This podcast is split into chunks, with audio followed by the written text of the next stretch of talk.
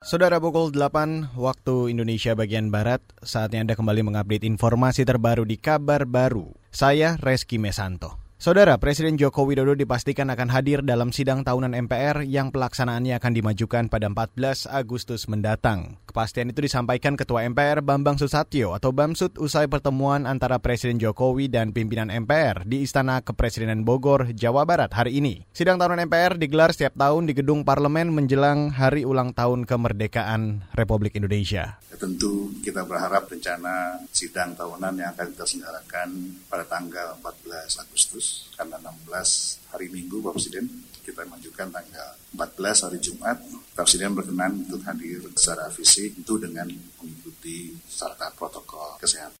Bamsud menambahkan sidang tahunan MPR biasanya digelar pada 16 Agustus. Namun lantaran tahun ini 16 Agustus jatuh pada hari Minggu, maka sidang tahunan MPR dipercepat. Ia menyebut Presiden Jokowi akan hadir untuk membacakan pidato kenegaraan. Bamsud menegaskan sidang tahunan akan digelar dengan protokol kesehatan COVID-19 yang ketat. Beralih ke informasi selanjutnya, lembaga pendidikan yang berencana menggelar kegiatan belajar mengajar atau KBM tatap muka diminta membentuk tim COVID-19 di lingkungan sekolah. Hal ini disampaikan pengamat pendidikan Duni Kusuma menanggapi rencana sejumlah daerah yang akan melaksanakan KBM tatap muka saat tahun ajaran baru sekolah 13 Juli mendatang. Namun ia menegaskan KBM tatap muka sebaiknya diberlakukan untuk daerah zona hijau COVID-19.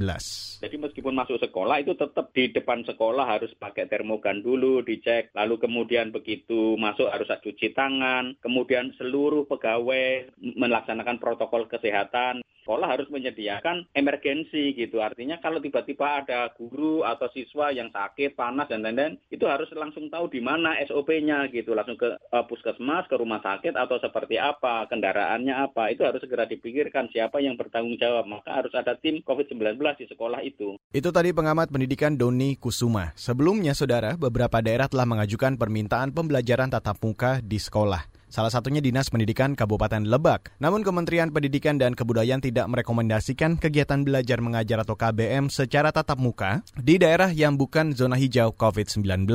Kita beralih ke informasi dari Jawa Timur. Pemerintah Kabupaten Banyuwangi, Jawa Timur menggratiskan rapid test COVID-19 atau uji cepat untuk sopir logistik non-perusahaan yang akan menuju Pulau Bali. Kepala Dinas Kesehatan Banyuwangi, Wiji Lestaryono mengatakan, Para sopir bisa memanfaatkan layanan gratis tersebut di 45 puskesmas yang berada di beberapa kecamatan. Namun mereka terlebih dahulu harus menyertakan surat rekomendasi dari Dinas Perhubungan setempat. Kata dia kebijakan ini untuk merespon keputusan Pemprov Bali yang mewajibkan seluruh sopir logistik yang akan memasuki Bali harus membawa hasil rapid test non reaktif. Pemkap Banyuwangi atau dalam hal ini gugus tugas ini memandang perlu untuk memberikan bantuan kepada para supir logistik ini untuk bisa melakukan pemeriksaan rapid test secara bebas biaya gratis untuk kemudian bisa uh, menyeberang ke kalau pasien yang sekarang tercatat ada di Banyuwangi hmm. ya itu memang belum ada yang uh, berlatar belakang sebagai sopir terutama sopir logistik.